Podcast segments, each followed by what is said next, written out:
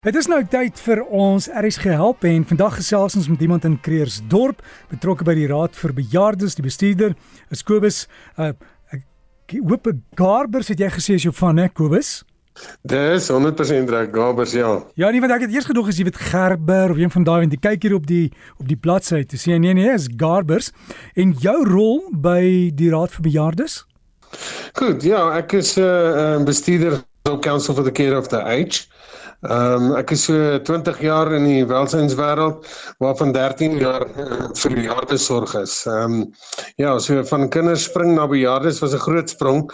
Ja, dit was nogal 'n groot uitdaging geweest om om in die kinderwêreld te wees en en met uh, met die uh, dwelmverslaafdes te werk en en die tipe van goeders was nogal 'n groot sprong van baie aktief wees, maar nog nogal redelik aktief met met bejaardes. Ehm um, was eers in in in Vryheidskeer gewees en nou nou sit hier en ek is um, is baie bly om nog al die jare net betrokke te wees met bejaardes. Ek dink ek sal gou weer verander nie. So skep vir my die prentjie as ek nou praat van die Kreersdorp Raad vir Bejaardes.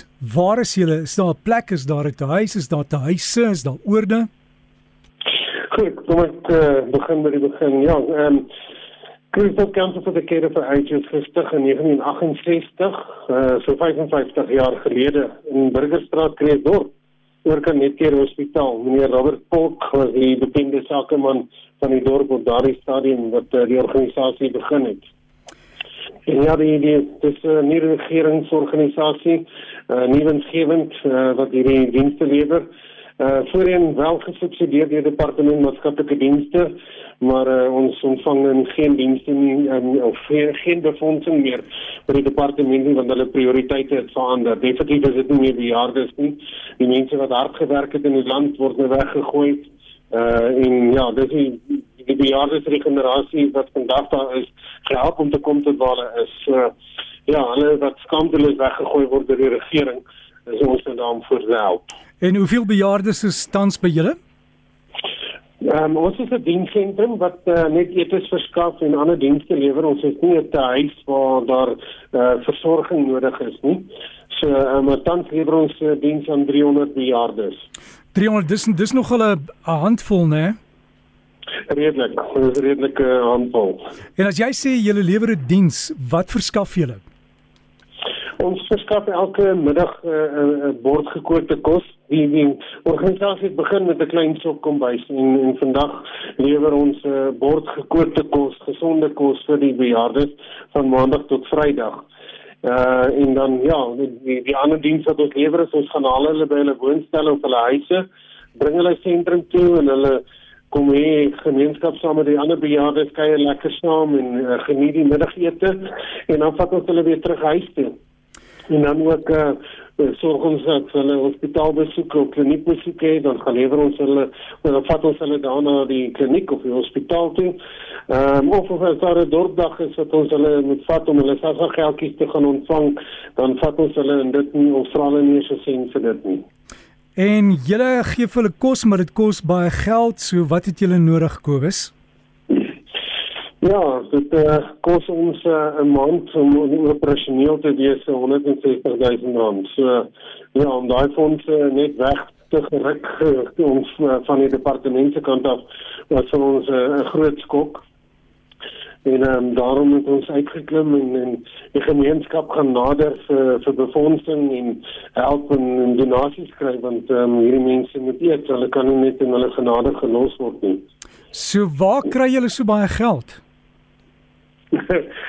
Wel, die gemeenskap se hande is oop en ons het net nog meer mense nodig. Ons het begin met 'n program Feed the Elderly uh waar ons uh, befondsing uh, van die gemeenskap af vra as ons R160 'n maand van 1000 mense in die gemeenskap kry, kan ons ons uh um, deure oop hou en vir die bejaardes aanhou kos gee en hierdie dienste lewer.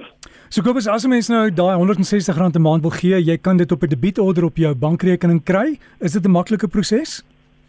Ja, nee, wat hulle uh, ons is besig met die proses wat ons self die debietolderstelsel kan ontwikkel, maar uh, heidaglik kan hulle net na hulle bank toe gaan en hulle kan 'n debietolder uh, vormpie gaan invul en oorgooi dat daar 'n maandeliks inkassie vir aan se bankrekeninge R160 gedeponeer word. En al die banke is deel daarvan.